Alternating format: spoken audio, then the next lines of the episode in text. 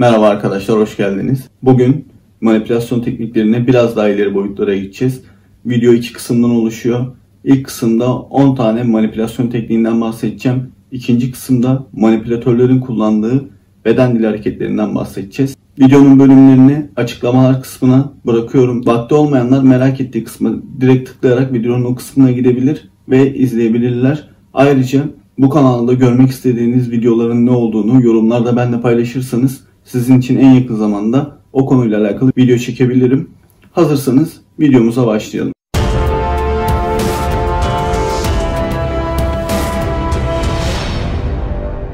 Birinci yöntemimiz felsefeci Sokrates'in kullandığı yöntem.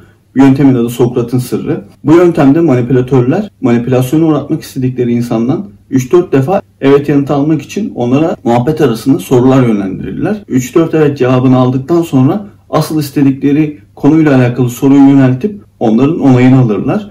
Bu yöntemde beyin artık onaylamaya alıştığı için 3-4 kere evet cevabını verdikten sonra ondan sonra gelebilecek soruları da onaylamaya çok açık olduğundan manipülatörler manipülasyon uğratacakları insana istediği şekilde her şeyi yaptırmaya başlarlar.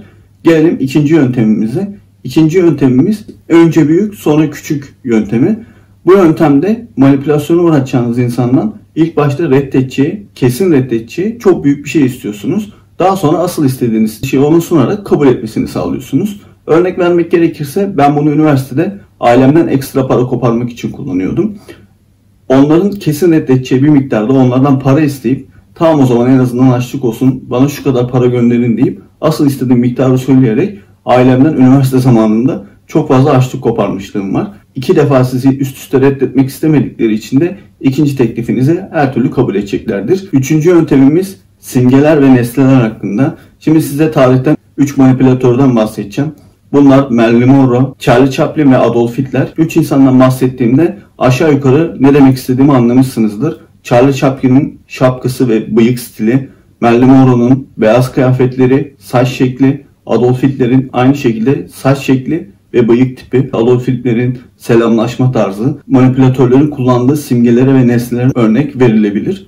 Manipülatörler, manipülasyonda ustalaşmış insanlar kendine has, hayatta da insanların üzerinde kullanabilecekleri şeyler geliştirirler. Bu selamlaşma olabilir, bir cümle olabilir veya üzerlerinde kullanabilecekleri nesneler olabilir. Bu bileklik, kolye, küpe, saç şekli, herhangi bir şey insanların o nesneyi gördüğünde o manipülatörü hatırlaması için hep aynı imgeyi, hep aynı simgeyi kullanırlar. Dördüncü yöntemimizin ismi değişim oynamak. Bu yöntemi eski sevgililer ve siyasiler çok fazla kullanıyor. Eski sevgililer sizinle barışmak istediğinde artık bir şeylerin değişeceğini, size kendisinin değişeceğini veya ilişkinizde daha önceden yaptığınız hataları tekrar yapmayacağından bahseder.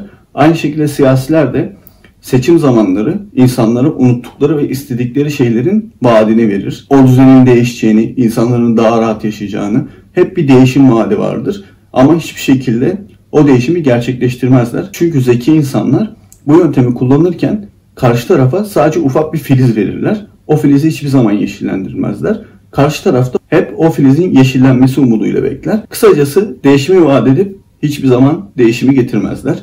Beşinci yöntemimiz sevmediğiniz veya iyi anlaşamadığınız insanlar üzerinde kullanabileceğiniz bir manipülasyon yöntemi.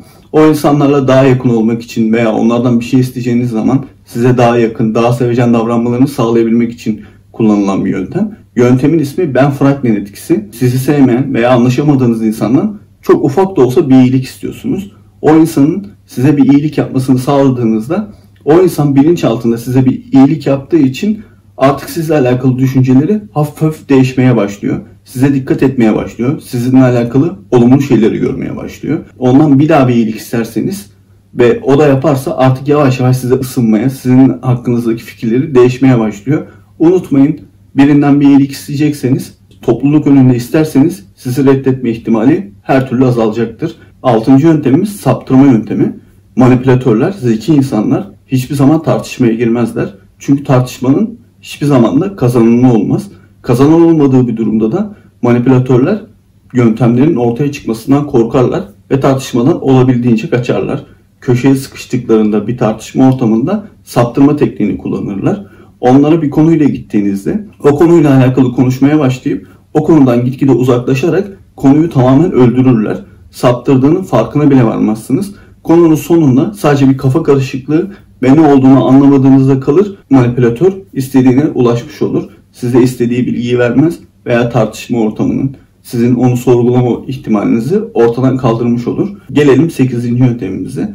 Manipülatörler hiçbir zaman sorumluluk almazlar. Herhangi bir hata yaptıklarında bir şekilde onu karşıya yüklemeyi iyi bilirler. Bunu yaparken de şu cümleleri kullanırlar. Seni sevdiğim için böyle yaptım. Ben bunu bizim için yaptım. Sen bana kötü davranıyorsun, beni yargılıyorsun, ön yargılısın ama ben bizim için yaptım bunları. Bizim geleceğimiz için yaptım tarzında savunmalarla karşı tarafın bencil olduğunu, ön yargılı olduğunu gösterip kendini kötü hissetmesini ve onu yargılamayı bırakmasını sağlarlar. Halbuki haksızlardır ama haksız oldukları hiçbir şekilde göze gelmez bu yöntemi kullandıkları için. Gelelim 9. yöntemimize. 9. yöntemimiz manipülatörler seçimi çoğu zaman karşı tarafa bırakır. Bunu nasıl yaparlar? Örnek veriyorum bir tatile gideceksinizdir ve size iki seçenek sunarlar. Antalya veya İzmir'e gidelim diye. Ama seçimi sizin yapmanızı isterler.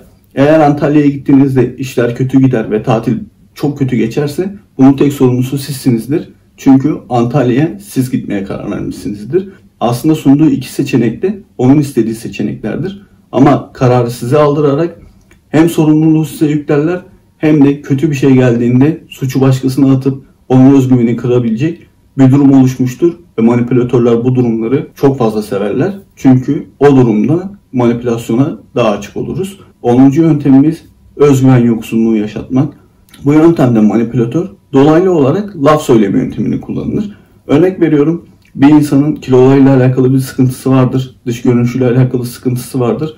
Manipülasyon yapan insan bunu fark eder ve o insanın özgüvenini yavaş yavaş yıkmaya başlar. Bunu da başka insan üzerinden yapar. Yani o insan yanındayken onun rahatsız olduğu bir özelliği başka insanda göstererek onunla alay eder ve yanındakinin gitgide özgüvenini düşürmeye başlar. Özgüveni düşen insan da artık manipülatör için bir kukla görevi görür. Onu kukla gibi istediği şekilde oynatmaya başlar. Gelelim manipülatörlerin kullandığı dört beden dili hareketine. Birinci yöntem aynalama tekniği. Manipülatörler bedenlerinde aynalamayı çok iyi kullanırlar. Aynalamayı açacak olursak beynimizde bulunan ayna nöronlar sayesinde empati yeteneğimiz gelişmiştir. Ve bir insan utandığında biz de utanıyorsak bu da ayna nöronlar sayesindedir. Siz de bu yöntemi şu şekilde kullanabilirsiniz. İnsanları etkilemek istiyorsanız veya o insanın sizin hakkınızda olumlu şeyler düşünmesini sağlamak istiyorsanız o insanın karşısında ayna gibi olun.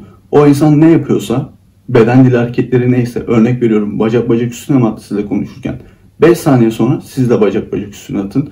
O sağ kaldırıp şu şekilde konuşuyorsa siz de sağ elinizi 5 saniye sonra kaldırıp şu şekilde konuşmaya başlayın.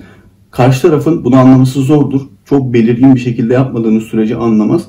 Ama beyni algılar, bilinçaltı algılar ve sizin uyumlu, olumlu ve ona benzeyen bir insan olduğunuz mesajını bilinçaltı alır ve o insanın sizden etkilenmesini, sizi sevmesini sağlar. İkinci yöntemimiz müttefik unsur. Tartışmalarda veya gergin ortamlarda zeki insanlar tartışmaya girmek istemedikleri için bir insanın yanında müttefik duruş gösterirler ve güçlü olduğunu düşündüğü insanın yanında dururlar. Müttefik duruş nedir? Tartışma esnasında iki insan karşılıklı tartışır ve manipülatörler bunları bildiği için herhangi bir insanın karşısında direkt temas halinde bulunmak istemez.